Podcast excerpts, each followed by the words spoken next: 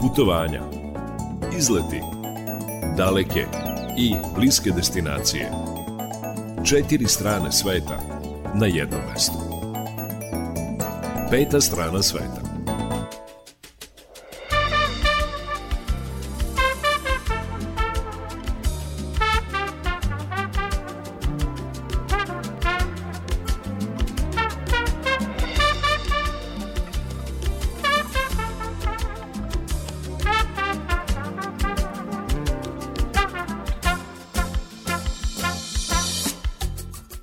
Dobar dan svima koji slušaju Radio Novi Sad, ljubiteljima putovanja, zbog toga što je ovo turistički magazin Radio Novog Sada, peta strana sveta. Današnja emisija biće veoma poučna, naučit ćemo nešto novo o kulturi i tradiciji jedne zemlje. U prošloj emisiji govorili smo o Kataru, ali govorili smo o tome kako je ta zemlja sređena, uređena za svetsko prvenstvo u futbalu. Doznali smo ne najbitnije informacije A u ovoj emisiji, s obzirom na to da još traje svetsko prvenstvo u futbalu, trajaće do 18. Eh, decembra, odnosno do naredne nedelje, i dalje Katar u središtu pažnje, tako da ćemo mi još jednu emisiju, kažem, posvetiti toj bogatoj zemlji u Persijskom zalivu, ali u današnjoj emisiji govorit ćemo o kulturi, arhitekturi, znamenitostima glavnog grada, tradiciji i položi žene u toj zemlji. Kad reč o drugim temama, evo čime ćemo se još baviti. Pa odmah na početku emisije pošto čujete izveštaj za Automoto Saveza Srbije i meteorološki izveštaj, bit ćete u prilici da čujete i imali mesta za rezervaciju novogodišnjih aranžmana. Zatim ćemo govoriti o Kataru, a onda o turističkoj ponudi Indije i najavit ćemo popularnu novosadsku manifestaciju Ledena šuma – Ona se otvara narednog petka, tako da biće kasno da narednog petka govorimo o tome, pa koristimo priliku da danas e, najavimo tu jednu važnu e, manifestaciju koja je postala novosadska atrakcija. Na samom kraju emisije, kao što ste navikli, čućete i vesti iz sveta turizma. Sa vama će do 18 časova biti muzički urednik Srđan Nikolić, majstor tona Jovan Gajić, ja sam Irina Samopjan i volim da kažem na početku emisije – neka ovo naše putovanje počne.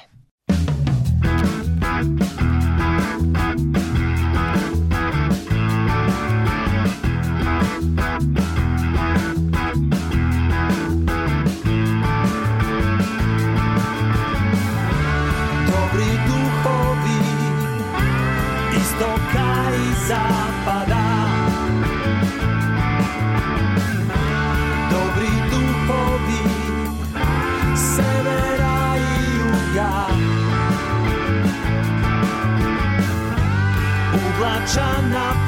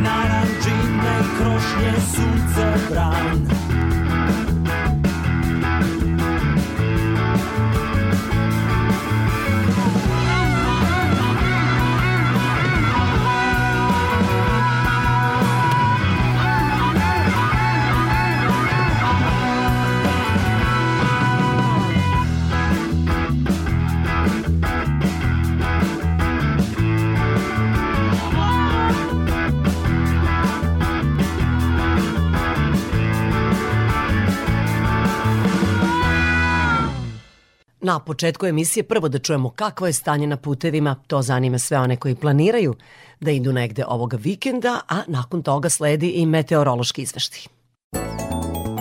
Izveštaj iz Automoto Saveza Srbije. Pozdrav iz operativnog centra Automoto Saveza Srbije. Danas će uslovi za vožnju biti slični jučerašnjim, s tim što sa prvim popodnevnim satima očekujemo pojačan saobraćaj zbog početka vikenda, kada će na putu zbog većeg broja vozila sigurno biti čestih zastoja i usporene vožnje. Pored reka i na planinama magla, ali i niska oblačnost dodatno otežavaju vidljivost, a potrebna je i dodatna opreznost zbog odrona na putevima kroz klisure i kroz useke. Prema informacijama javnog preduzeća Putevi Srbije do 10. decembra će zbog radova na rekonstrukciju rekonstrukciji i proširenju graničnog prelaza Horgoš biti aktuelne izmene u odvijenju saobraćaja na delu autoputa iz pravca Subotice u zoni graničnog prelaza Horgoš, a zbog čega je zatvorena zaustavna traka. Teretna vozila koriste voznu i preticajnu traku koje se zatim spajaju u jednu, a nakon 50 metara se ponovo vraćaju u redovan režim saobraćaja. Izmenjen je saobraćaj u zoni petlje Požarevac zbog radova na izgradnji brze saobraćajnice petlja Požarevac, Požarevac obilaznica, Veliko gradište, Golubac. Zbog radova je aktuelna i obustava saobraćaja na regionalnom putu od Ćuprije ka Despotovcu. Zbog toga se vrši preusmeravanje na regionalni put koji vodi preko Glogovca i Medveđe a izmenu saobraćaja treba očekivati na deonici autoputa između Ražnja i Pojata. Zbog toga su pojedina uključenja i isključenja na petlji Ražanj zatvorena. Petlja Aleksinački rudnici zbog radova je zatvorena u svim smerovima, sem isključenja iz pravca Beograda. Do 19. decembra izvode se radovi na popravci oštećenih delova kolovoza u levoj cevi tunela Šarani na autoputu između Takova i Prednjene u smeru ka Beogradu, a saobraćaj se odvija suprotnom ona koja vodi ka Čačku dvosmerno. Danas od 8 do 14 časova zbog radova na asfaltiranju saobraćaj se obustavlja na deonici Ribariće-Brnjak. Alternativni putni pravac je Raška-Jarinje. Na naplatnim rampama nema zadržavanja vozila, a na našim graničnim prijelazima prema podacima koje redovno dobijamo od uprave granične policije, na putničkim terminalima zadržavanja nisu duža od 15 minuta. Umor kod vozača nastaje postepeno, a manifestuje se usporenom reakcijom i pospanošću, a tada vozač iznenada gubi i kontrolu nad vozilom. Na put krećite isključivo odmorni i vozite bez žurbe, a ukoliko vam zatreba pomoć na putu ili savet iz oblasti saobraćaja, telefon našeg operativnog centra 1987 vam je uvek na raspolaganju. Iz Automoto Saveza Srbije javlja se Nevena Damjanović, a vozačima želimo srećan put. Vremenska prognoza za putnike. E, meteorolozi ovih dana najavljuju da će biti snega, ali pitamo se kada. Dobar dan, želimo našem Miodragu Stojanoviću. Miodraže. Dobar dan, Irina. Šta vi kažete, kada će pasti sneg u nizi, pošto e, priča se da će ga na planinama biti ovih dana, a da li će biti i kod nas u Vojvodini snežnih padavina?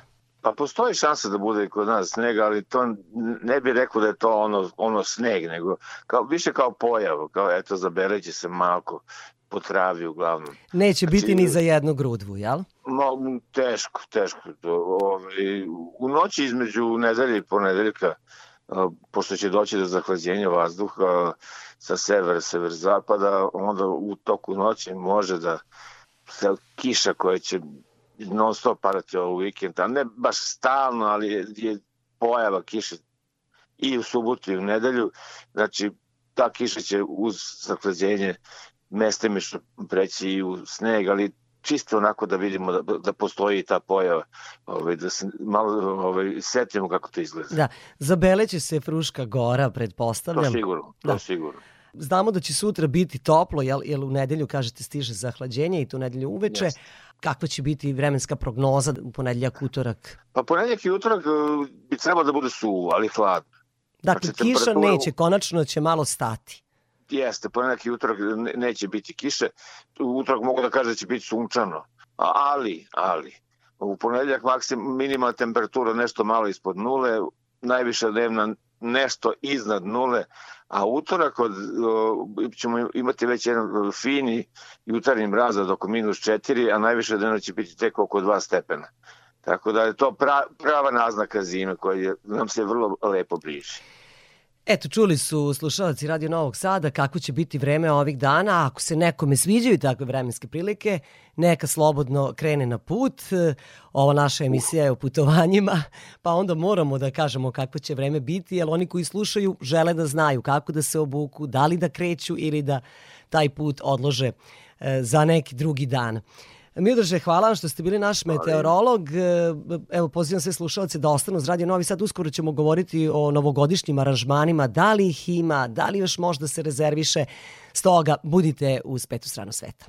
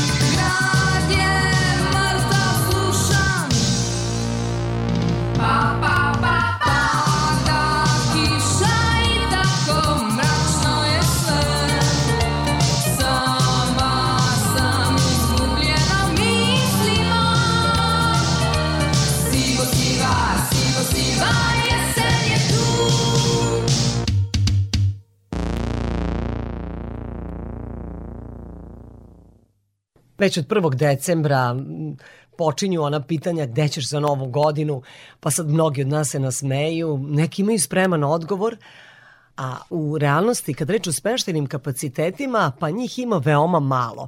Ostalo je još veoma malo mesta kad reč o rezervaciji novogodišnjih aranžmana, Njih za zimski odmor ima još samo u terminima koji nisu udarni, odnosno najtraženiji. Turistički magazin na Radio Novog Sada. Peta strana sveta. Na domaćim turističkim destinacijama aranžmani su skoro rasprodati.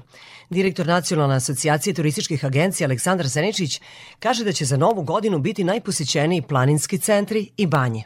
Najveća zainteresovanost vlada pre svega za planine u Srbiji, Koponik, Zlatibor, Tara, Divčibare, banje Srbije su takođe jako zanimljive kad je reč o novogodišnjim aranžmanima, ali i tokom đačkog raspusta, dakle Vrnjačka banja, Soko banja, Prolom banja, Vrdnik banja, I ono što možemo još da kažemo da se za skilišne aranžmane jako puno traži recimo Jahorin u Republici Srpskoj kao i skilište u Bugarskoj. Kada je reč o smeštenim kapacitetima na planinama koje kod nas i u Bosni i Hercegovini prve otvaraju skijašku sezonu, odnosno o Kopaoniku i o Jahorini, smeštaja za novogodišnje i božićne praznike ima još veoma malo ili je već rezervisan.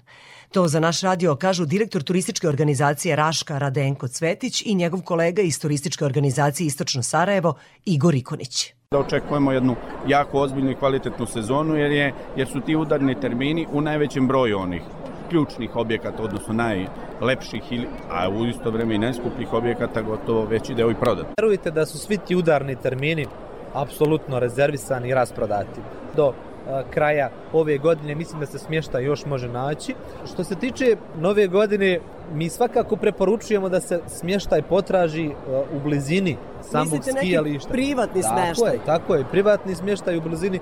Dodajmo i to da i na Zlatiboru očekuju da će svih 40.000 kreveta u hotelima i privatnom smeštaju biti rasprodati.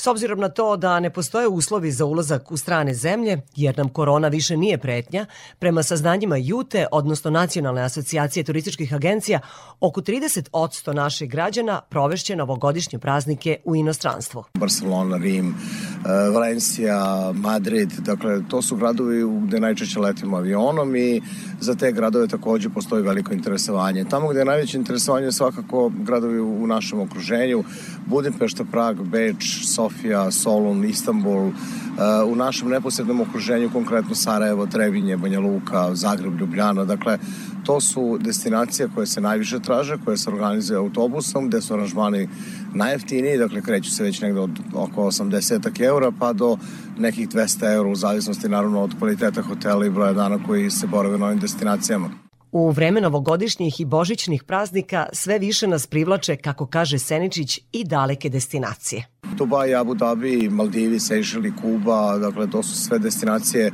koje pojedinačno možemo da ponudimo i u ovom trenutku interesovanje za to ima. Najveće interesovanje već dve, tri godine vlada za destinacije Zanzibar i Tajland u ovom periodu godine, tako je upravo i ove godine. U Nacionalnoj asocijaciji turističkih agencija kažu da su cene smeštaja na domaćim destinacijama za zimovanje više za 20 do 30 odsto. Uprkos tome, očekuje se veoma uspešna zimska sezona. Peta strana sveta.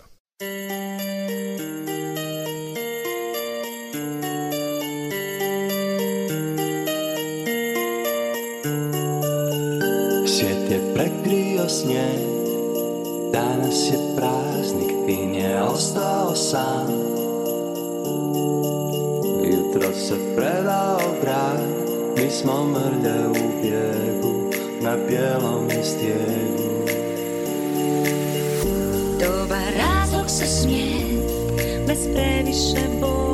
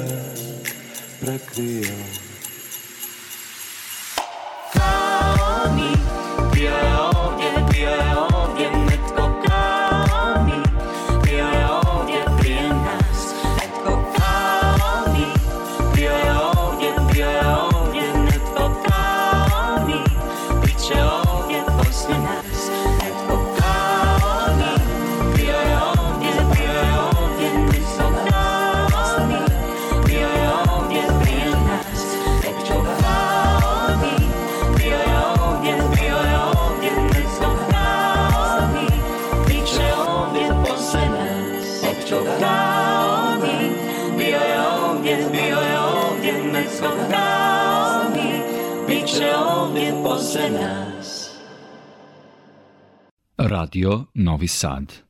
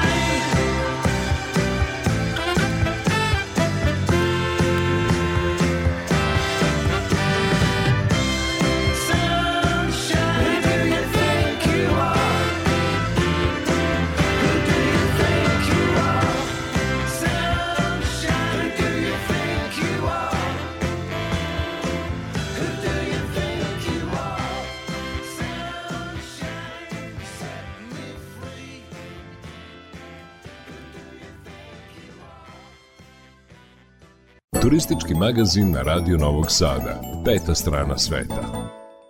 Ostanite uz turistički magazin, uskoro će i rubrika Ljudi koji putuju, a govorit ćemo o jednoj dalekoj i egzotičnoj zemlji u kojoj se do 18. decembra, odnosno do naredne nedelje, održava svetsko prvenstvo u futbalu. Reč je o Kataru.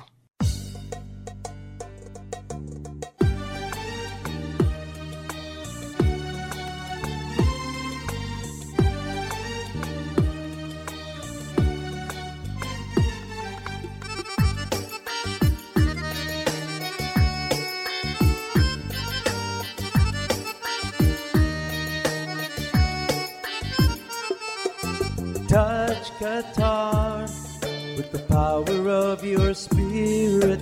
Touch Qatar with the wonder of your name. Touch Qatar with the love of the Father. Oh, precious God, touch Qatar. Touch Qatar with the power of your spirit. Touch Qatar with the wonder of your name. Touch Qatar with the love of the Father. Oh, precious God, touch Qatar.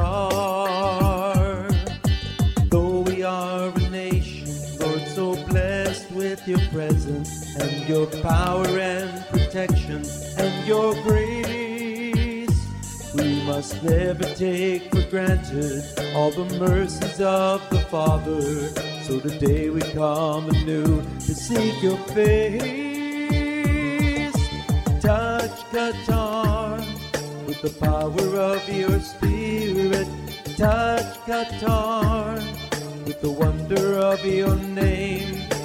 Touch Qatar with the love of the Father. God, touch Qatar.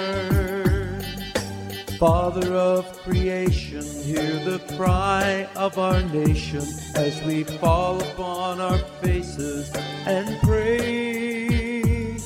In brokenness of spirit, Lord, we know that you will hear us. Lord, forgive our sin and heal our land.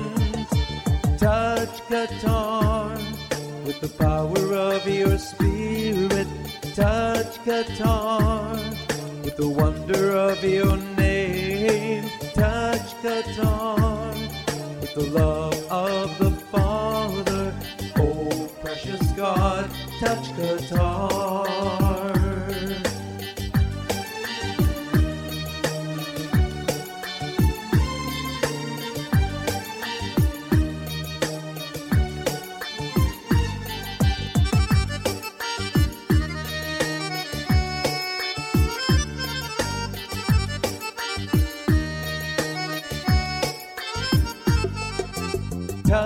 Qatar with the power of your spirit. Touch Qatar with the wonder of your name. Touch Qatar with the love of the Father. Oh, precious God, touch Qatar. Touch Qatar with the power of your spirit. Touch Qatar the wonder of your name.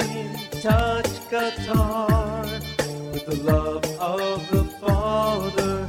Oh, precious God, touch Qatar.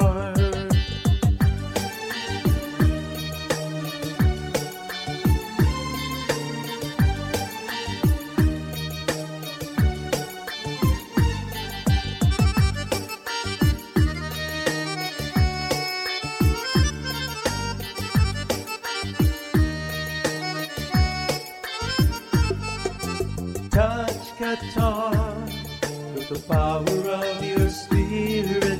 Touch Qatar with the wonder of your name. Touch Qatar with the love of the Father. Oh, precious God, touch Qatar.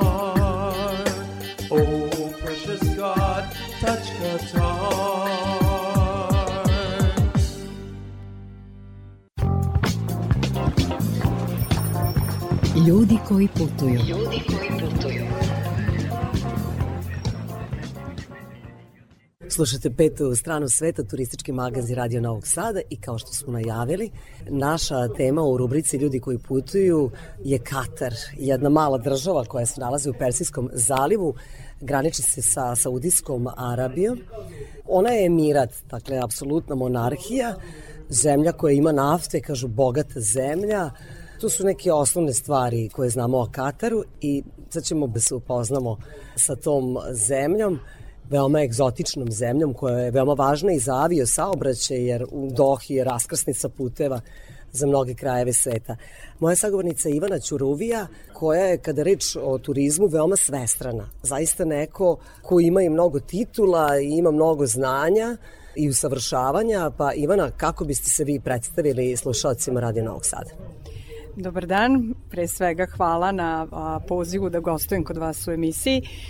Kako da se predstavim? Pa najjednostavnije kao neko ko se bavi a, turističkim vođenjem, koji je turistički vodič dugo godina, a trenutno radim kao trener turističkih vodiča. To je ono što, što najviše volim i tako i volim da se predstavljam. Vodeći internacionalni trener turističkih vodiča pri Svetskom udruženju turističkih vodiča. To bi bila zvanična titula, da tako kažem. I njima su potrebni turistički vodiči iz Naravno. čitavog sveta. Pa, znate kako funkcioniše u Kataru, ovaj, pošto njihovo lokalno stanovništvo a, nije zainteresovano da se bavi tim poslom, nažalost, ovaj, a i nema ih dovoljno. A, sam htela da oni kažem, su ima malo- u svojoj, u malo svojoj stanovništva državi. ima u Da, da, čitavoj da. zemlji. Da, da, da, oni su manjina u svojoj državi, ali manjina koja ima izuzetno velike privilegije, tako da oni, njima nije zanimljivo da se bave poslom turističkog vodiča. Posao turističkog vodiča u Kataru rade stranci. A, Stranci koji tamo imaju boravište i onda biramo ovaj, kandidate koji govore različite jezike. Znači, potrebni su vodiči koji pričaju nemački, španski, francuski, ruski, japanski, sad ono, šta mi prvo padne na pamet, jel, da, da je ovaj, interesantno. Tako da, a, u principu fokusiramo se na, na jezike i onda na osnovu toga biramo kandidate koji su zainteresovani za obuku. I kako vi turistički vodiči počinjete priču o Kataru? Vi ste trener Ivana turističkih vodiča. Da li se prvo kreće od istorije te zemlje? Ja kao vodič redko kad počnem od istorije. Moj koncept kada nekome predstavljam državu, krenem od osnovnih stvari, ono što se kaže površina, gde se nalazi, broj ljudi koji žive i onda nekako odatle krene priča da se grana ja e, nikad nemam ustaljenu priču. U zavisnosti od toga koga vodim, a, ko mi je grupa, ja se tako prilagođavam. Zavisi šta grupu zanima i zavisi kako u tom momentu ode priča na neku stranu, zavisi gde idemo, zavisi koja je tura, ali e, taj neki uvod što bi ono rekli u svakoj turi bi bilo gde ste vi sad došli a, iz prostog razloga što vrlo često ljudi ni ne znaju ne znaju gde su. Gde su? Da, prosto treba reći, vera je islamska, priča se arapski u ovoj zemlji, ne znam, koja je valuta, kako promeniti novac. Da, priča se arapski, ali engleski je izuzetno široko rasprostranjen, jer ko što sam rekla, oni su manjina u svojoj državi od nekih 2 miliona i 800 hiljada stanovnika, njih je manje od 10%. I bili su britanska kolonija. Pa ajde da kažemo, nisu zvanično bili kolonija, bili su Pod protektorat. protektoratom. Jeste, znači nije, nije isti status, ovaj, ali im je ostao engleski, engleski je drugi zvanični jezik praktično. Valuta je katarski rijal, I sad, ako ćete da menjate, evo, poredimo, a, 1 evro je 4,4 rijala otprilike. Zavisi gde menjate, ali eto, to je, to je neki odnos. I šta za to može da se kupi? Da li može da se plati da kafa u, u kafiću? Pa sa, to je dobro pitanje. To jako zavisi gde sednete. A, koji kafić ste izabrali u Kataru, a, u Dohi, postoje delovi gde se kreću turisti, postoje delovi gde se kreću a, ljudi koji tamo žive, a opet i zavisi ko ste, u smislu odakle ste došli, šta radite i koliko zarađujete. Nekad ćete kafu platiti 1 evro, a nekad ćete kafu platiti i 10 evra, zavisi gde ste seli a, i u koji deo grada ste došli i koji restoran kafić ste izabrali.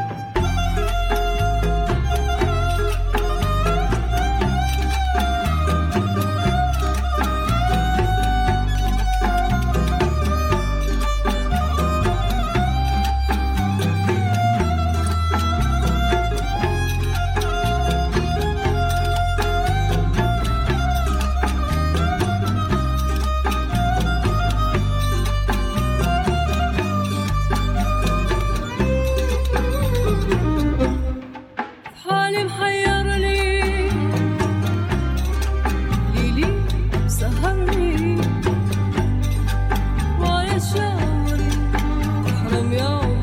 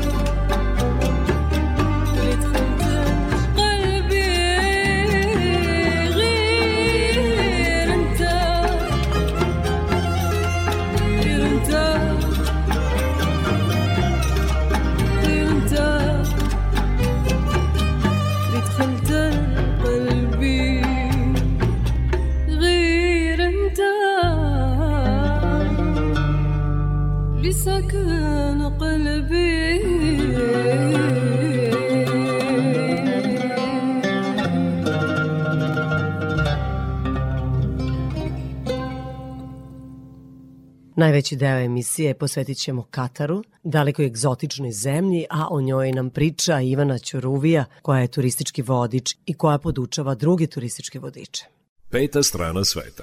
Moramo napomenuti, tu je bilo mešanja kultura u tom smislu što su vladali Turci Osmanlije. 1916. su oni otišli, pa je onda Katar postao protektorat Velike Britanije, a i Britanci su otišli 1971. Dugo su se zadržali, a nafta je otkrivena tek 1939. ako se ne varam, međutim tada nije mogla da bude eksploatisana zbog drugog svetskog rata i svega što se tada dešavalo. Kakva je sada situacija u Kataru? Da li oni zaista žive samo od industrije nafte? Prvo, u pravu ste, jeste, 39. je ovaj, otkrivena nafta, počeli su da eksploatišu tek posle drugog svetskog rata, 49. Ali njima nafta trenutno nije glavni izvor prihoda. Eto, to ljudi ne znaju. Nije glavni izvor prihoda, glavni izvor prihoda im je gas, prirodni gas. Oni su, ako se ne varam, treći u svetu po zalihama i po proizvodnji prirodnog gasa, jer tu um, najveću bušotinu koju imaju dele sa Iranom, ona im se nalazi severno, znači u aj sad Persijskom ili Arapskom zalivu, kako, kako ćemo da se izrazimo, da budemo politički korektni, jel? Ovaj, ta bušotina je bukvalno na granici između Irana i, i Katara i oni dele te, ovaj, te zalihe a, prirodnog gasa i to im je osnovni izvor prihoda. Ono što su oni uradili izuzetno pametno, a to je, ako se ne varam, nekih 80-ih su napravili fabriku kojom prebacuju gas, u tečni gas, da bi mogli da ga izvoze i praktično od tada počinje bum odnosno razvoj države takav. Da, njihov ekonomski razvoj. Njihov ekonomski razvoj, ali uh, vrlo su pametno iskoristili to što imaju. Oni su oko 2000. godine potpuno se rešili svog stranog duga Znači nikom više ne duguju i od tada sve što zarađuju od nafte i gasa ulažu u svoju državu. I od tada se ono ljudi koji su živeli tamo ranije i uh, koji su koji sada dođu ili su još uvek tamo kažu ne možete da prepoznate a, državu a, mislim, evo, ja idem u poslednje četiri godine, pa su promene neverovatne. Znači, bukvalno, ne budem tamo dva meseca, vratim se, novi autoput je otvoren, a, otvoreni hoteli, zgrade nove nikle, mislim, bukvalno se preko noći se menja država. Ljudi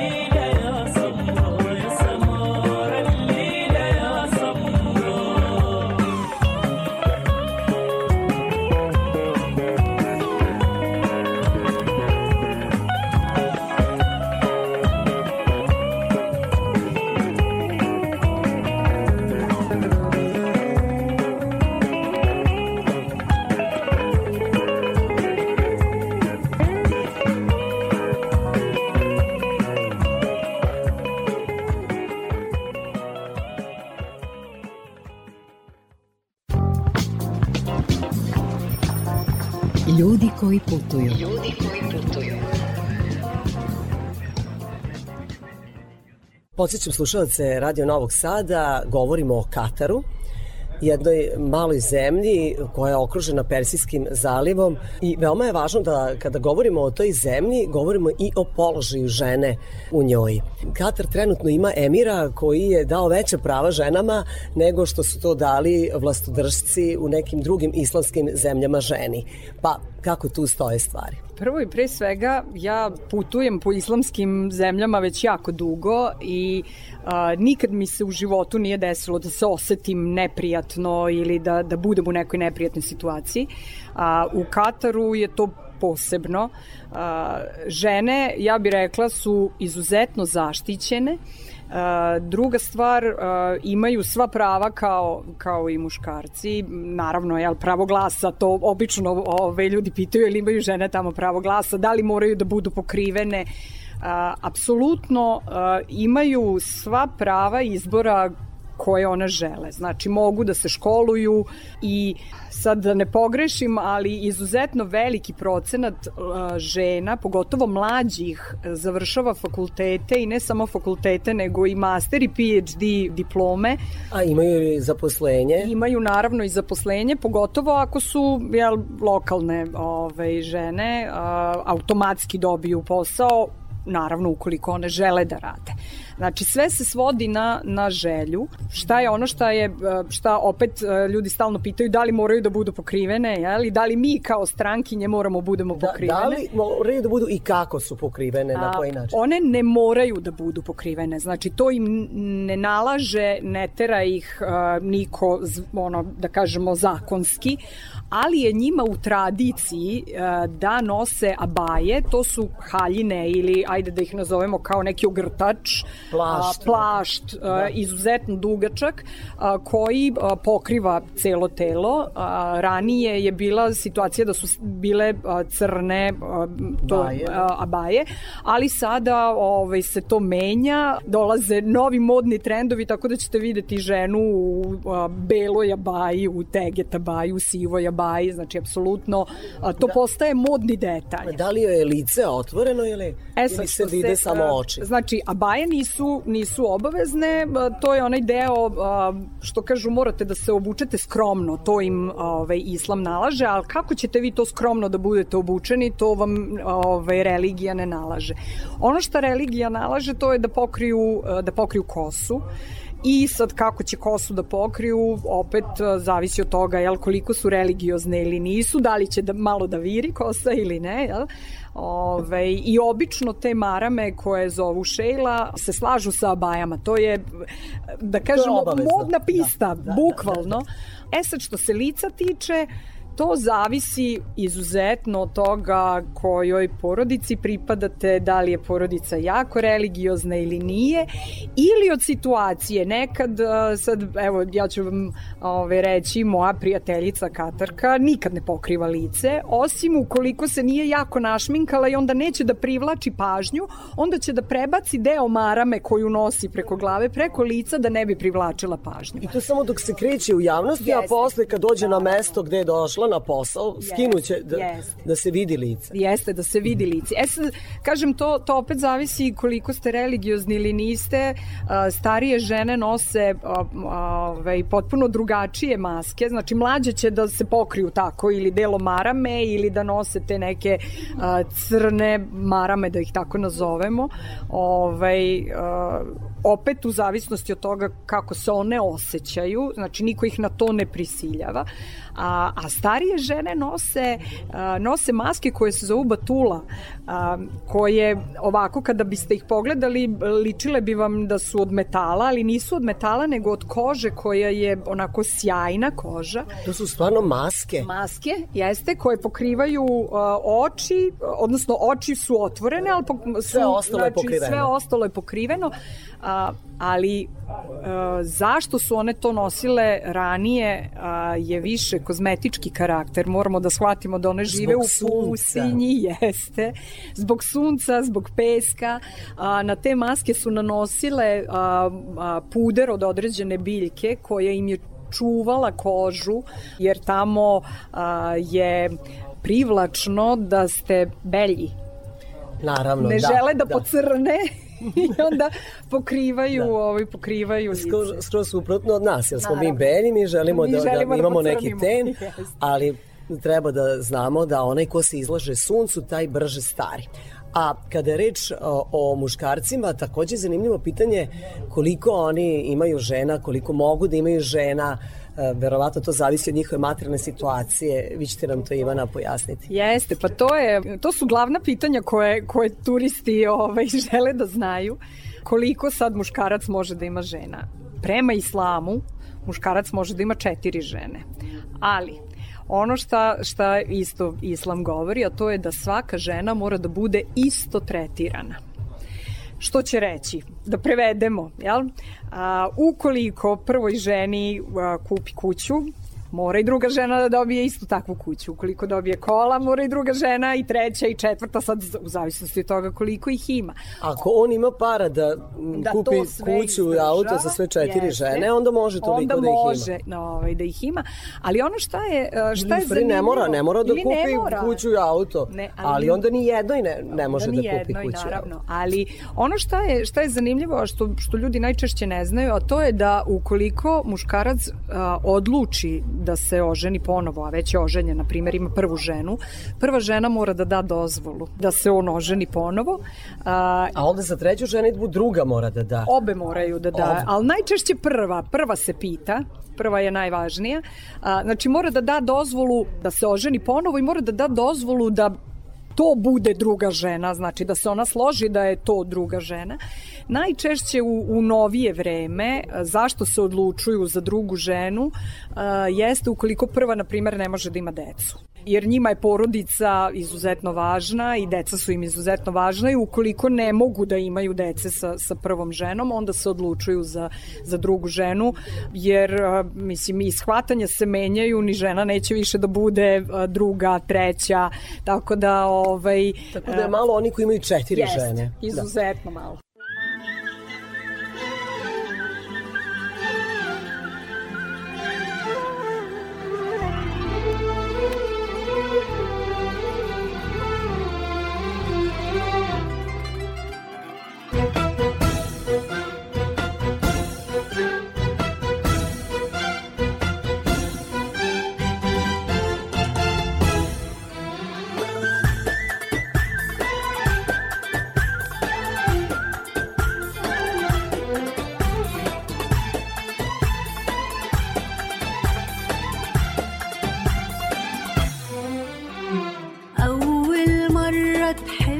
قلبي وأول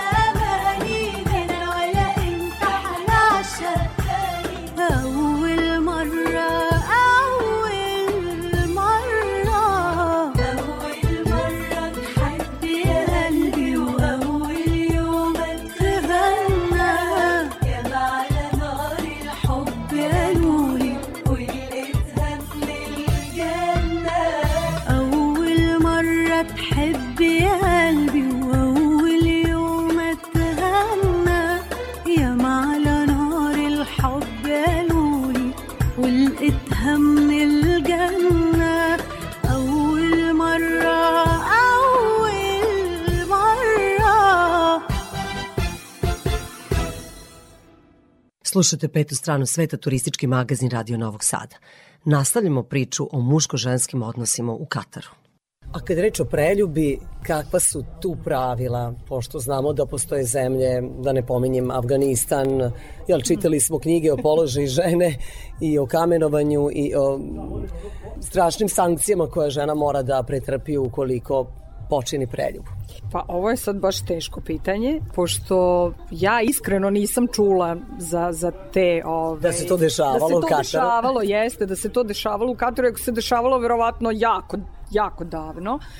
Oni su vrlo jedno moderno društvo. Njima je razvod braka normalan, i dozvoljen i može i žena da traži razvod i muškarac može da traži razvod. Možda mora- zbog toga sada nema potrebe za preljubom, zato što Verovatno. možete da se razvedete. Jeste i a, procenat razvoda je izuzetno visok što je što je isto ovaj interesantan podatak. A, ranije su najčešće brakovi bili ugovoreni. Porodica ugovori ko će sa kim da se venča. U poslednje vreme je dozvoljeno kako se društvo menja, tako je dozvoljeno da sad mladići i devojke sami biraju ovaj, sa kim će da se ožene, odnosno za koga će da se udaju. Pritom moraju dobro da razmisle šta će da kažu, gde su se sreli, jer oni u principu ne smeju ni da se druže, da tako kažemo, u školu idu razdvojeno. Znači jedino mogu da se sretnu kad dođu na posao ili na fakultet, tu eventualno mogu da se sretnu. Znači moraju svojim porodicama da opravdaju gde su se oni to upoznali, ali će porodica odobriti da se venčaju ako je to sve bilo, bilo kako treba. E sad, preljuba, ovaj, kažem, ja, ja nisam čula, mada a, u Kataru i dalje vlada šarijatski zakon, znači po tome bi verovatno sankcije bile izuzetno a, teške. rigorozne. Jeste. Da. Nastavit ćemo razgovor, posjeća moja sagovnica je Ivana Ćuruvija koja je turistički vodič i predavač drugim turističkim vodičima i to baš u Kataru, a Katar je naša tema. Muzika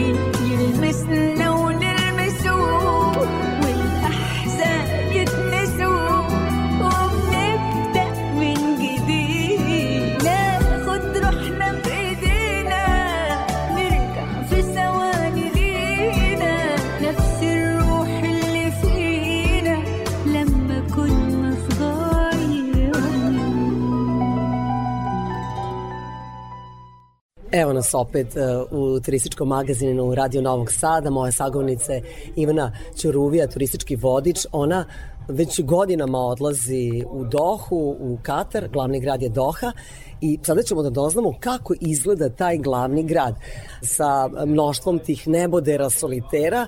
Oni podsjećaju, bar mene, kao na neki downtown u Americi, međutim ipak se razlikuje njihov centar od e, centra grada nekog velikog američkog zato što su ti soliteri drugačijeg izgleda.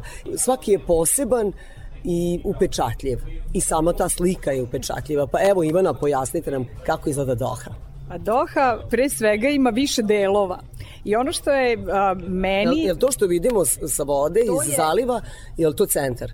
Pa to je jedan od centara, da tako kažemo, jer ono šta je, šta je meni, na primjer, izuzetno zanimljivo, a to je da su oni rešili da zadrže i stari deo, stari centar, ali su napravili i novi centar. I sad to što ste vi spomenuli, što vi vidite te sve ovaj, zgrade, a, tu do 1980-ih je bio jedino u stvari 80-ih se otvorio Sheraton.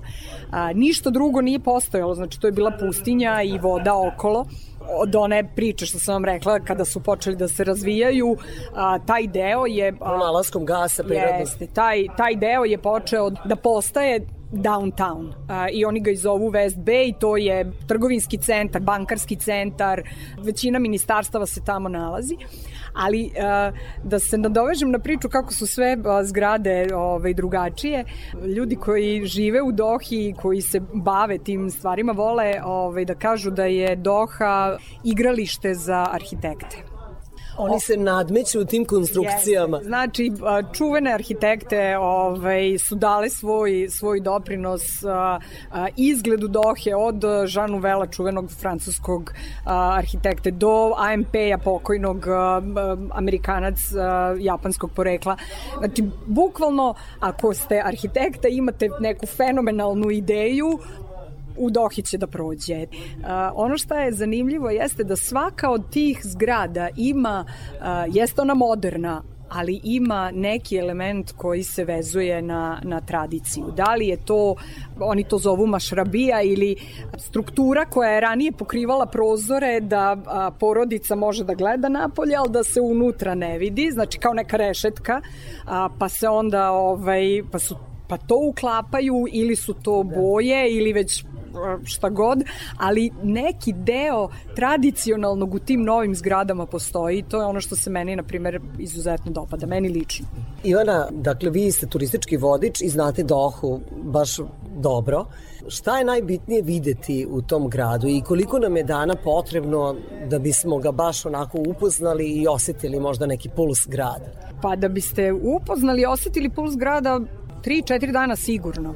Doha i Katar uopšte uh, izuzetno mnogo radi uh, trenutno na, na turističkim atrakcijama i u poslednjih uh, nekoliko godina su, su nikle atrakcije koje privlače turiste, kao na primjer uh, Nacionalni muzej Katara koji je otvoren 2019. godine, koja je zgrada sama po sebi fenomenalna jer ima oblik pustinske ruže sad koliko slušaoci mogu da zamisle pustinska ruža izgleda kao ruža ali napravljena od uh, minerala i peska ovaj, koja nastaje u pustinji. I sad pošto je to uh, nešto Ja sam je je- videla, ljudi iz Tunisa koji dolaze, donose tu pustinsku ružu kao suvenir, kao da je od granita, kao, to je kao neki tvrdi, stvrdnuti pesak. Jeste. E sad zamislite zgradu u obliku pustinske ruže.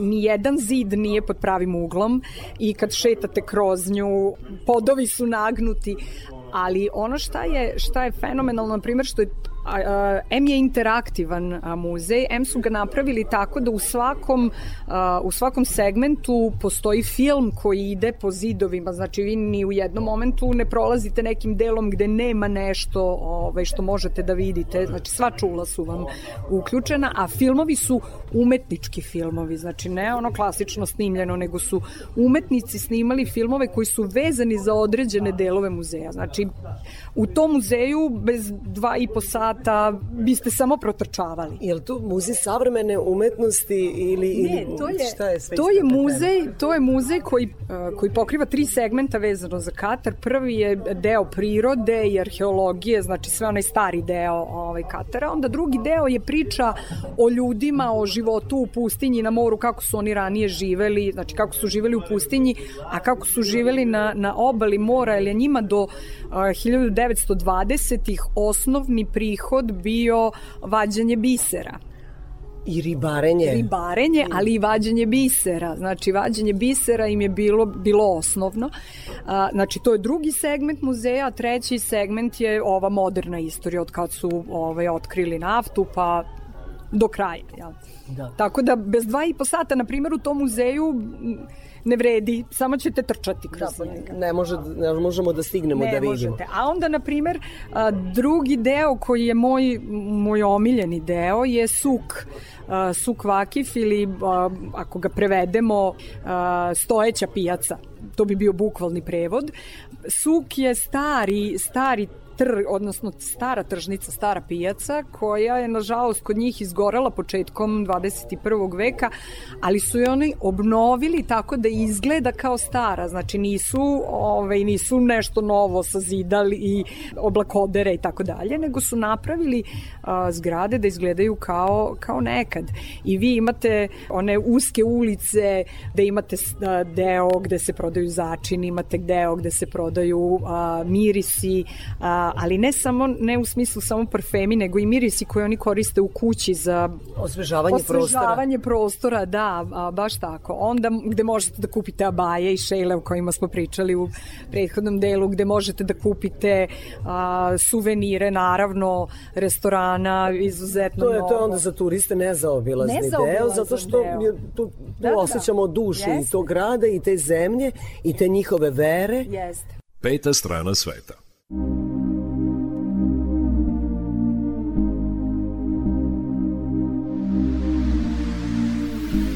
J'aurais supporté les larmes qui me traversent le corps et qui font couler mes larmes. J'aurais supporté les balles, dissocier le bien du mal, les yeux recouverts d'un voile. Mais j'ai su voir dans ton âme, j'y ai vu de nombreuses vagues et des plantes qui se fanent. Donc j'ai dû briser le vase qui contenait ton esprit. Ya Habibi, Ya Habibi, tu es tombé comme la pluie. T'as déboulé dans ma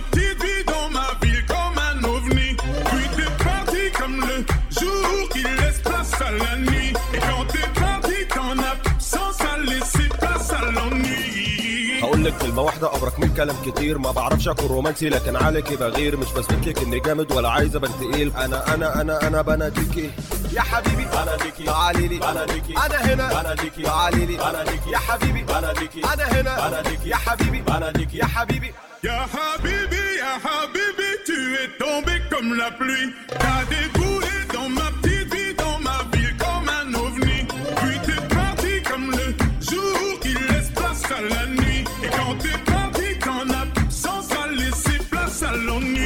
مالي أنا ومالها مالها خليها في حالها حالها مش هغر شكلها شكلها ما أنا عارف إنها هترجع تاني بمزاجها حبيبي يا حبيبي يا حبيبي يا حبيبي حبيبي يا حبيبي يا حبيبي يا حبيبي J'aurais supporté les larmes qui me traversent le corps et qui font couler mes larmes. J'aurais supporté les balles, dissocier le bien du mal, les yeux recouverts d'un voile. Mais j'ai su voir dans ton âme, j'y ai vu de nombreuses vagues et des plantes qui se fanent. Donc j'ai dû briser le vase qui contenait ton esprit. Ya Habibi, Ya Habibi, tu es tombé comme la pluie. T'as déboulé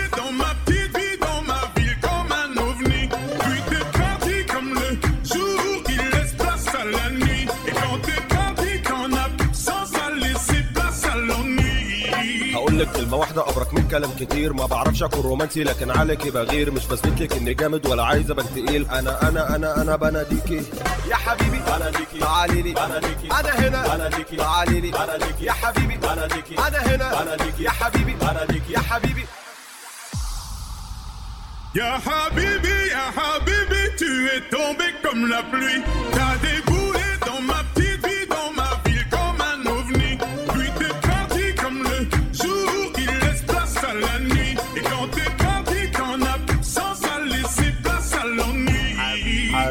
يا حبيبي يا حبيبي يا حبيبي حبيبي يا حبيبي يا حبيبي يا حبيبي Ya Habibi, Ya Habibi, يا حبيبي يا حبيبي Ya Habibi, Ya Habibi. يا حبيبي يا حبيبي Ljudi koji putuju. Ljudi koji putuju. Šta još treba da vidimo u Dohi Za ta 3-4 dana? Ja sam vam navela samo nacionalni muzej, Da. ali a, postoji muzej islamske umetnosti koji je trenutno zatvoren zbog renoviranja, menjaju koncept unutra u kojem a, isto možete da budete satima jer pokriva a, islamsku umetnost iz a, a, svih delova sveta gde islam postoji. Znači ne samo iz, iz dela Katara i Arabije, nego imate a, stvari koje su iz Turske, iz Irana, iz a, Indije, na primjer, izuzetna kolekcija ove stvari koje su vezane za, za muslimanski deo Indije. Trebao bi da se otvori u septembru, jel, vidjet ćemo. Onda, na primer, Sheikh Faisal muzej koji nije baš uh, u Dohi, ali nije ni daleko, imate pola sata ovaj, vožnje, što nije strašno, koji opet, ja taj muzej predstavljam kao Alibabinu pećinu, jer znači, to je privatna kolekcija Sheikha Faisala, koji ima bukvalno sve, od igle do lokomotive. Ali stvarno u pećini? Nije, ne, ne, ne, nego je me, mene asocira na Alibabinu pećinu jer je prepun, prepun. To su samo, samo neki od muzeja koji mi ovaj, padaju na pamet. Onda ovaj, izuzetno je zanimljivo ovaj, turistima da, da idu, na primer, na, na trke Kamila, koje opet Ko- koliko nisu... brzinu Kamila može uopšte da razvije? Kamila, ja, ako se dobro sećam, može da trči između 60 i 70 km na sat, ali na kratke ovaj, Staze. na kratke staze, znači za trke, ali ako treba duže ovaj, može, onda ja mislim da je nek, prosečna brzina negde oko 40 km na sat kada trči na duže. Da. A kad reč o plažama, kakvih ima plaža tamo i kako izgledaju, ali samo pesak ili ima i nekog rastinja? Pa plaže, zavisi gde odete, one koje su bliže gradu, te su ukoliko nisu vezane za hotel, su javne plaže. E Sad kad kažem javna plaža, to znači da morate da budete obučeni prikladno, znači ne možete bikini, a, možete u hotelu u okviru grada da budete na plaži u bikiniju, ali ako idete u Kataru, na primjer, koja je a, kao kulturno selo, tako ga zovu, tu postoji velika plaža, ovaj, tu morate da budete prikladno obučeni, znači žena bi morala da ima majicu i, ajde da kažem, neke biciklističke, da, da se tako izrazim. Dakle, ne može ni jednodelni kupaći, Ne nego može, mora ne, ne, da ne, ramena moraju biti pokrivena i bar jeste, do kolena. I bar do kolena, jeste, baš tako. Tako da, redko kad ćete, na primjer, na toj plaži videti ovaj, Naše, strance. da, ne, evropljane. ajde. Evropljane, jeste, evropljane teško. Ali, na primjer, ovaj, postoji veliki broj plaža koje su van Dohe. I sad, uh, jedna od um, zanimljivijih je na severu, koja se zove Fuerit, peščana plaža, ima sa strane i malo stena, iako nije voda, da, da ne zamišljamo Grčko more ili Hrvatsko more, znači nije, nije tog tipa, voda je izuzetno topla, pogotovo u letnjim mesecima. Kad kažem izuzetno topla, znači ne raspladite se kad uđete u vodu. Ali ovaj, Fuerit je, na primjer, zanimljivo jer se tamo ovaj, ležu kornjače. Tako da je ta plaža zatvorena od aprila do avgusta, možete okolo, ali taj deo gde dolaze kornjače je pod zaštitom. Ali najzanimljivija, naj, najlepša meni lično, jel, ja ovaj, uvek ovaj, govorim iz mog ličnog, ovaj, moje lično mišljenje, je a, deo koji se zove Inland Sea. Inland Sea je jedan, jedan fenomen koji postoji a, samo u Namibiji još, a to je da a, se pustinske dine, znači peščane dine, sreću sa morem. A, bukvalno imate kao zaliv morski koji ulazi u pustinju. I sad deo ovaj, e, deo koji je ono najbliži putu, tu je gužva izuzetna, tu je lep pesak, lepa plaža, uređena plaža, ima i hotel kao resort gde možete da odete da, da se kupate. Ali e, najlepši delovi su kada uđete džipovima u pustinju, pa vas vozi neko ko to zna, pa vas vozi jedno sat vremena kroz preko Dina i tako dalje, da stignete do tog zaliva gde je iskustvo potpuno drugačije. Dakle, postoje različite turističke Jeste. ture, treba ponuditi mnogo novca, bilo gde da idemo, kada reč o tim turama, e, džip safari, bilo šta, splavarenje i tako dalje, treba poneti novca, a posebno mogu misliti u Kataru koliko to sve košta. Ja se zahvaljujem e, na razgovoru Ivani Ćuruvi, koja je turistički vodič i profesor turističkim vodičima. Hvala vama na, na pozivu i dobrodošli u Katar. Peta strana sveta. Čuli ste moju sagovornicu, dobrodošli u Katar, prvu islamsku zemlju u kojoj se odvija svetsko prvenstvo u futbalu, a ono će trajati do 18. decembra, dakle do naredne nedelje. Mi smo u prethodnoj emisiji govorili o tome kako je Katar organizovan za to veliko svetsko prvenstvo, a ovu emisiju posvetili smo tradiciji, kulturi, položaju žene u toj zemlji, njihovoj arhitekturi i turističkim atrakcijama u Dohi.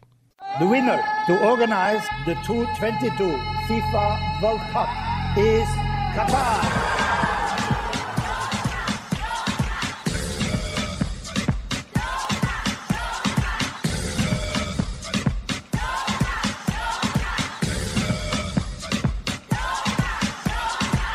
Come to Qatar, landing in Doha. Go to West Bay, best place to stay and soak up the sunshine. You're on the front row, everyone's watching. Screens in the mall, game you can't call, this isn't over. The match is on, you feel it. You got the shirt, so wear it. When you lose, get up, oh, oh. And when you win, shout out, eh, eh. Come to Doha, come to Qatar. World Cup is in Qatar 2022. Eh, eh. Doha, Doha, eh, eh. Come to Doha, come Qatar. World Cup is in Qatar.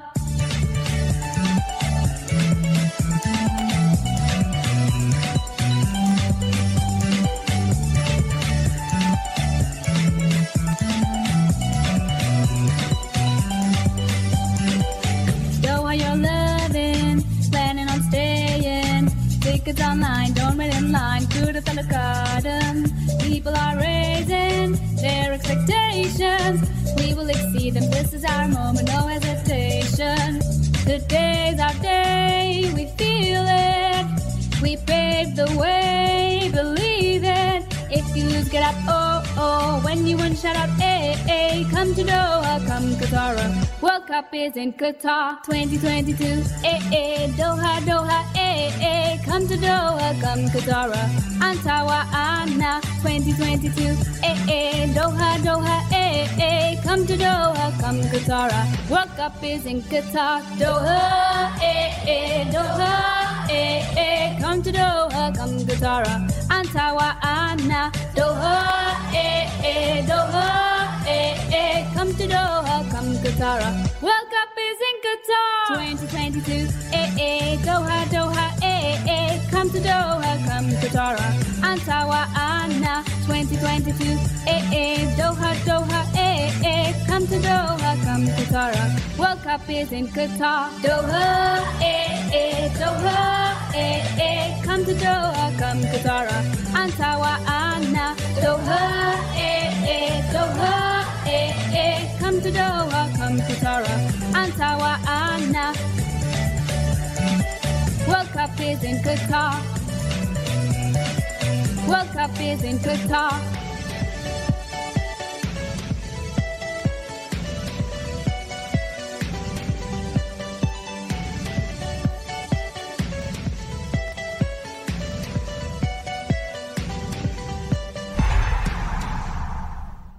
Slušate turistički magazin Radio Novog Sada uskoro o turističkoj atrakciji u Inđiji, Keltskom selu i planovima za unapređenje turizma u toj opštini. Ostanite uz nas. Muzika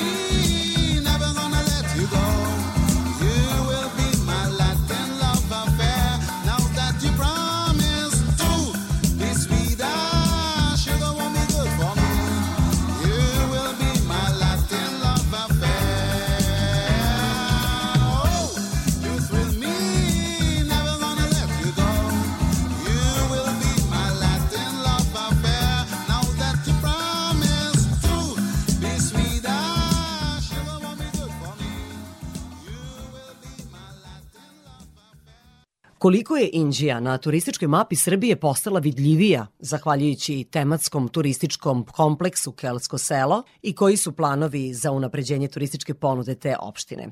O tome je sa direktorom turističke organizacije Indije Milanom Bogojevićem razgovarala naša Ivana Maletin-Ćorilić. Da li je otvaranje Kelskog sela promenilo sliku Indije?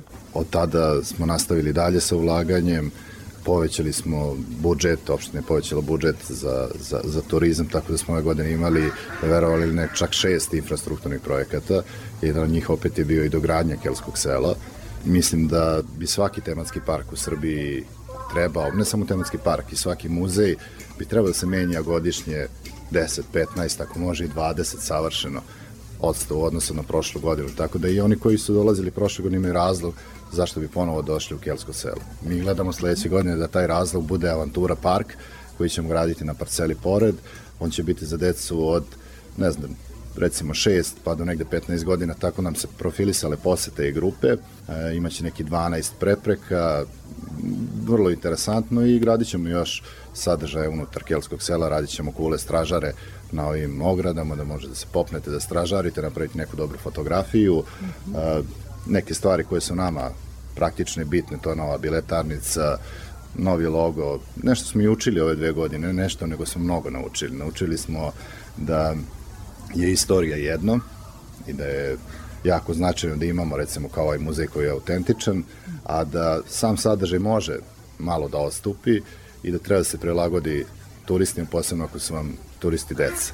Jer smo krenuli prve godine da ti kostimi budu onako autentični, a onda smo a, shvatili da čak i Golubac ima varijacije na, na razne teme, pa smo ove godine a, prešli da oni budu gizdaviji, namjerno kažem gizdaviji jer smo prilagodili taj narativ i taj storytelling gde princeza koja princeza naša Brida koja govori iz prvog lica kada vodi grupu, ja sam princeza Brida, dobrodošli u Kelsko selo, dobrodošli u istoriju, dobrodošli u, ne znam, četvrti vek mm -hmm. pre nove ere. Tako da gledamo da, da, ovaj, da svake godine menjamo, a isto tako kažem, pored pored njega, razvijemo i dalje, otvorili smo prvi muzej u Inđi Adligat, uradili smo ove godine četiri plaže na Dunavu, uradili smo prvi od Beča do Crnog mora na 1800 km Dunava, uradili smo prvi nautičku signalizaciju za kanuiste veslače, kajakaše, jer smo videli da je to potreba, da je zaista i to u ekspanziji, da ima veliki broj oni koji dolaze posebno zbog Krčanjske ade.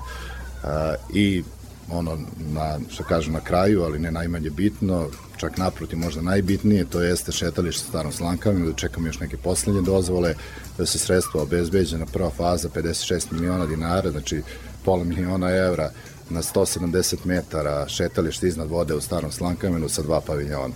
I kako je ovo bila jedna od, ovo ne jedna od, nego jedina nautička signalizacija, ovo će biti najromantičnije šetalište ne samo na toku Dunava kroz Srbiju na tih 550 ja mislim nego čitam toku Dunava jer idete sad smo već prešli nešto smo preprojektovali idemo 30 metara iznad vode um, šetalište širine 5 metra nije onako kako ga zamišljaju da je to na burićima to je na šipovima, na betonskim pontonima jedna zaista ozbiljna stvar i kada završimo stari slankame će ponovo zasijati novim sjajem i, i ja mislim da ponovo postati ono što jeste, to je banja.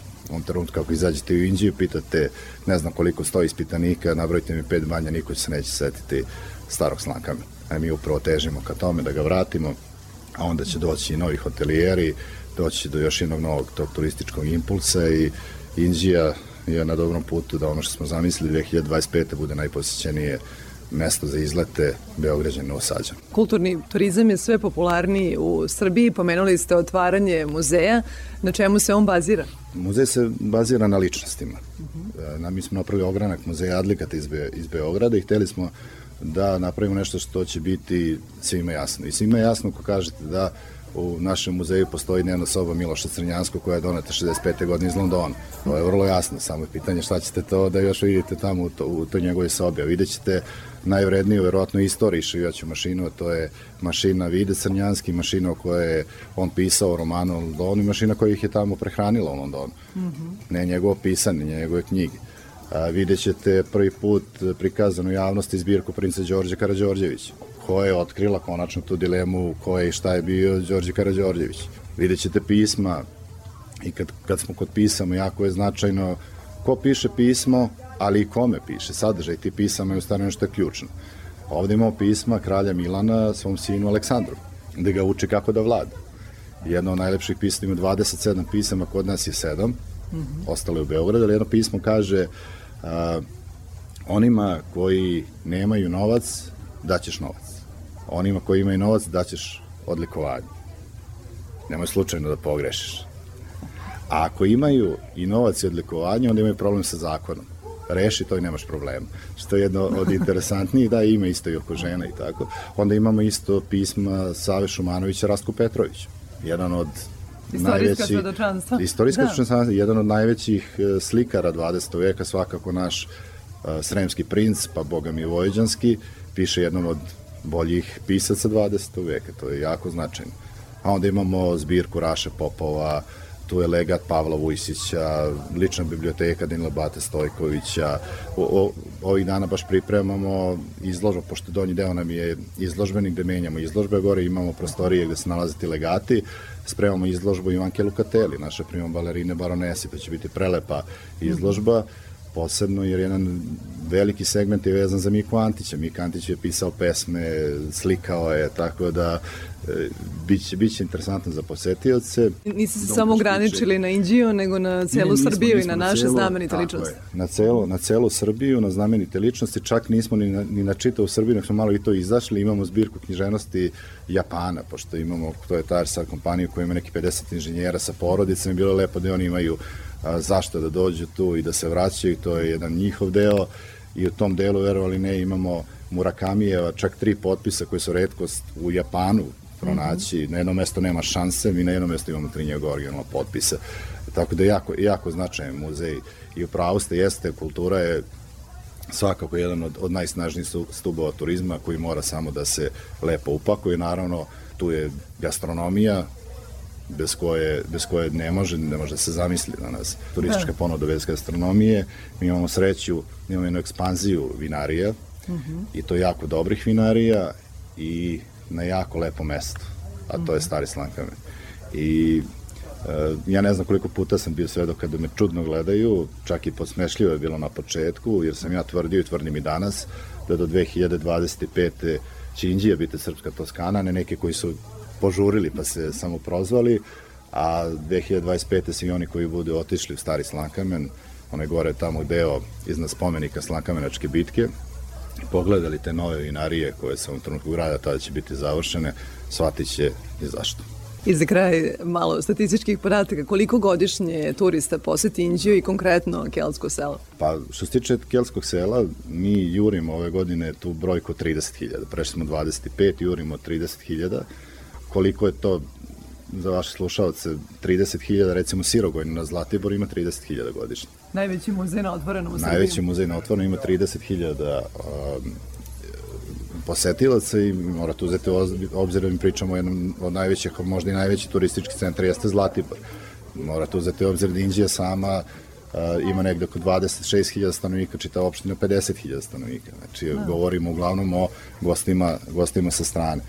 Uh, kad govorimo o noćenju, i tu smo napravili jako veliki iskorak, Uh, uzimamo svi sada već nekako kao tu godinu koja nam je uzora godinu pre COVID-a 2019. Tada je bilo samo 6700 noćenja u, u Indiji. A recimo prošle godine smo bili negde blizu 40.000, oko 39, a ove godine ćemo, imamo sličan trend, ali mislim da ćemo preći 40.000. U poslednja četiri meseca ono što je mene iznenadilo, uh, ne mnogo, ali me iznenadilo, jeste da imamo više od 50% stranih turista. Što nam govori negde da i dalje prednjače, baš što se tiče noćenja, e, biznis turisti, oni koji dolaze u kompanije koje, koje posluju i rade u, u Indiji. E, dobro, još jedna stvar koja nas raduje i koja će doneti samo dobro, to je otvaranje tri nova hotela sledeće godine. Onaj, u stvari jedan se rekonstruiše, to je i najstariji prvi hotel u Indiji, u centru Indije. Zatim otvara se šetalište jedan koji će biti najveći, preko 80 uh, smeštenih jedinica će imati salu za konferencije, 4 plus zvezdice, tako da to će biti onako baš dobar iskorak za nas i koji nam daje mogućnost organizacije raznih i konferencija i potencijalno turističkog foruma, što, što je meni želja 2024. godine. Imamo jedan ovde nadomak Kelskog sela, uh, Garni hotel sa 20, ja mislim, 5 uh, jedinica sa još jednim hotelom koji je otvoren pre uh, mislim dva meseca, to je neki 50 soba koje se nalaze na recimo 200-300 metara od Kelskog sela i nove sportske hale koje će biti završene 2024. Tako da ćemo tad imati i sportski turizam kada završimo sportsku halu. Hvala najlepše i pratit ćemo razvoj Indije. Hvala vama puno. Radio Novi Sad. Pred kraj emisije navikli ste da vam preporučimo jednu manifestaciju. To ćemo i učiniti ovoga puta, ali to će više biti najava za naredni petak. Najava je jedne bitne novosadske manifestacije. Ostanite uz Radio Novi Sad.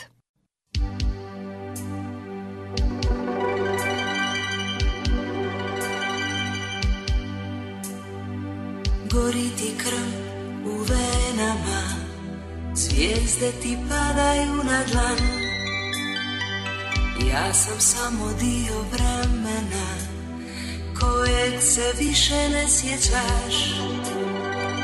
Upamti miris mojih hadina Nek ti ne pobjegne iz sna.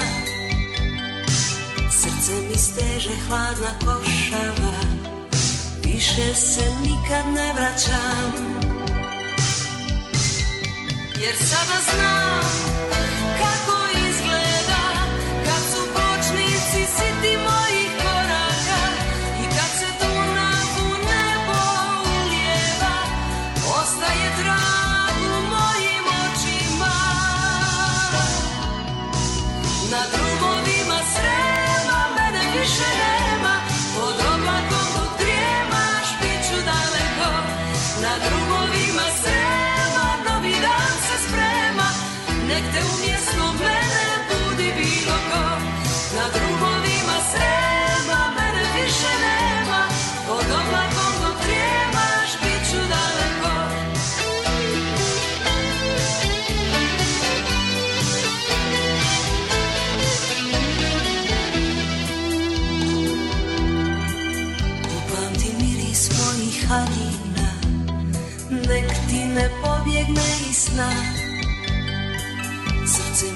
steže hladna košava Više se nikad ne vraćam Jer sada znam Da cvijet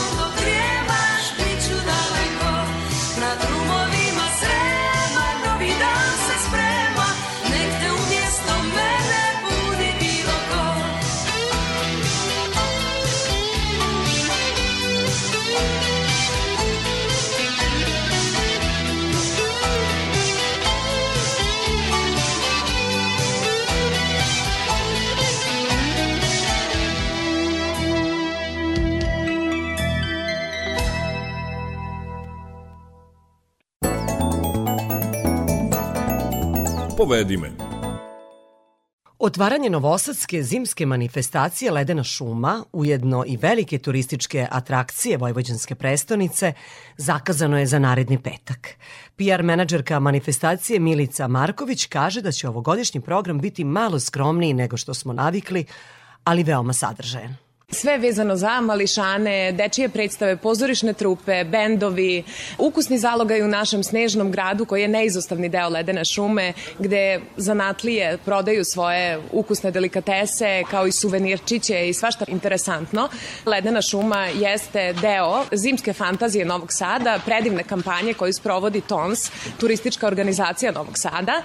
To govori prosto o tome da Ledena šuma jeste ono što nudimo nov novosađanima i svima onima koji će doći mimo Novog Sada, a to je prava praznična čarolija, rekreativni sport, e, klizanje i pre svega dobra zabava. Poziv Ledene šume zapravo jeste na rekreativni sport i rekreativno klizanje, a ono što ću vam reći jeste da ovde kližu deca od dve godine do 72. Dakle, svi su pozvani zato što je ovo mesto susreta svih generacija. Dakle, podsjećam još jednom, Ledena šuma, veliko klizalište u bajkovitom ambijentu Dunava Savamskog parka biće otvorena narednog petka. Cena ulaznice biće 300 dinara, a iznajmljivanje klizaljki takođe će stajati 300 dinara. Peta strana sveta. Ostanite uz Radio Novi Sad, bližimo se kraju emisije, to znači da ćete čuti i vesti iz sveta turizma.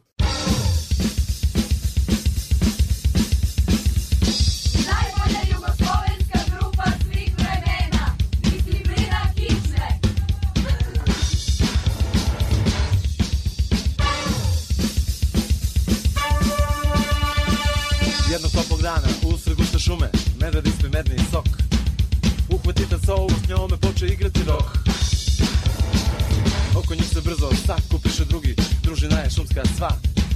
Смерни добри они заиграше два по два.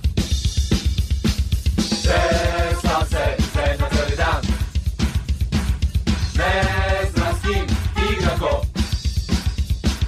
Дожи тигър, свамикан. Чудна шума е то.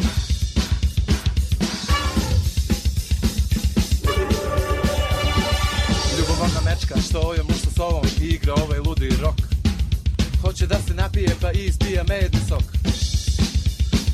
Oko jednog panja lije zeca juri, moli ga za igru tu. On se ne da želi kožu svoju čitavu svu. Tresla se, srednja celi dan. Ne zna s kim igra ko. Dođe tigar zvani kan Čudna šuma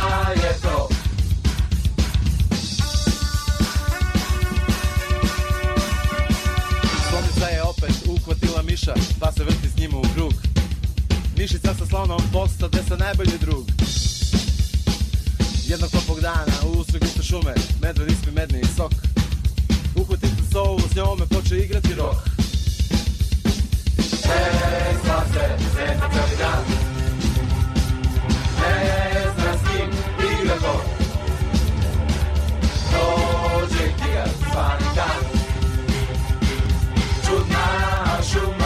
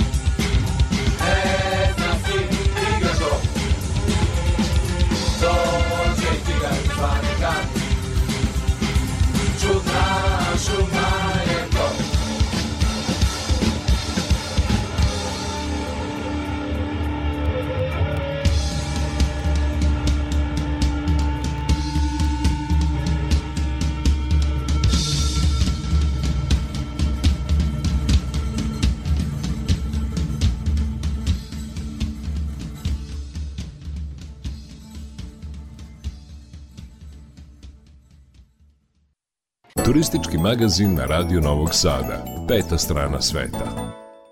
Evo i vesti iz sveta turizma.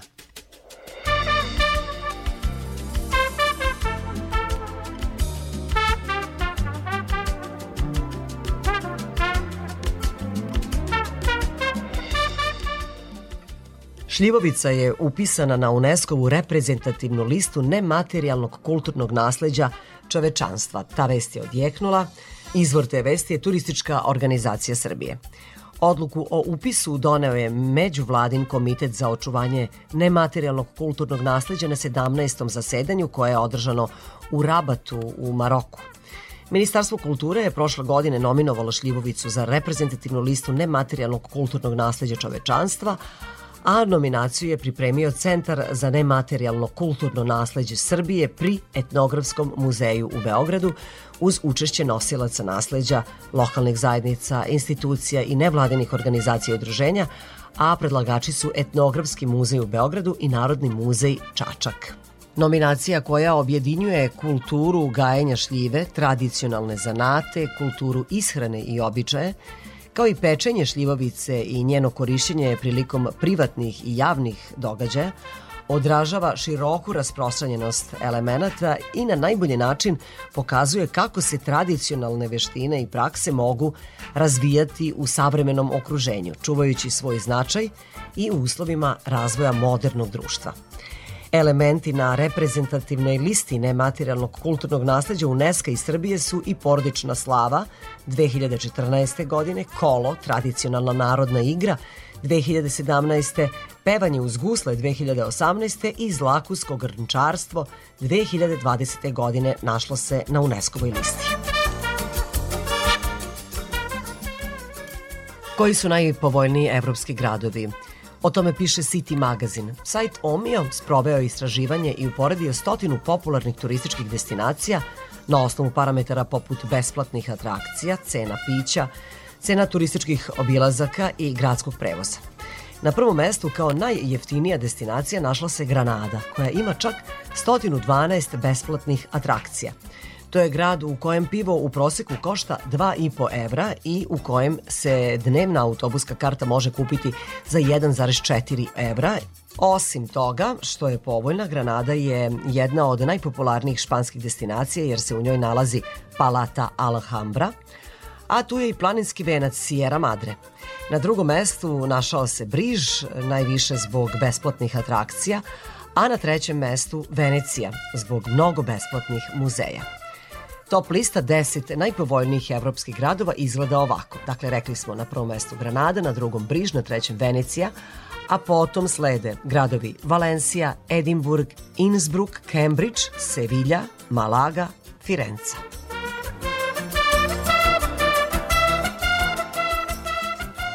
A gde je najbezbednije živeti danas? Izvor te vesti je turistički magazin. Dosadašnja praksa da prva mesta na listi budu rezervisana za azijske gradove poput Tokija, Singapura i Osake promenila se. Ove godine evropski grad zauzima prvu poziciju. Kopenhagen je prvi put proglašen za najbezbedniji grad na svetu. Iza njega sledi Toronto, a Singapur i Tokio su na trećem, odnosno petom mestu. Na četvrtom se nalazi Sidney. U Kopenhagenu se kontinuirano radi na poboljšanju sigurnosti građana što se ogleda u niskoj stopi kriminala, urbanoj sigurnosti i preventivnom delovanju vlasti. Najbezbedniji gradovi na svetu za 2022. godinu su Kopenhagen, Toronto, Singapur, Sidney, Tokio, Amsterdam, Wellington, Hong Kong, Melbourne i Stockholm.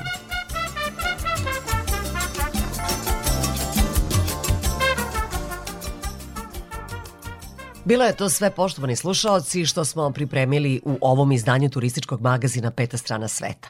U 18 časova su naše najnovije vesti, a potom i naša najstarija muzička emisija Randevu sa muzikom. Sa vama su ovoga petka bili muzički urednik Srđan Nikolić, majstor tona Jovan Gajić, ja sam Irina Samopjan i želim vam srećan put.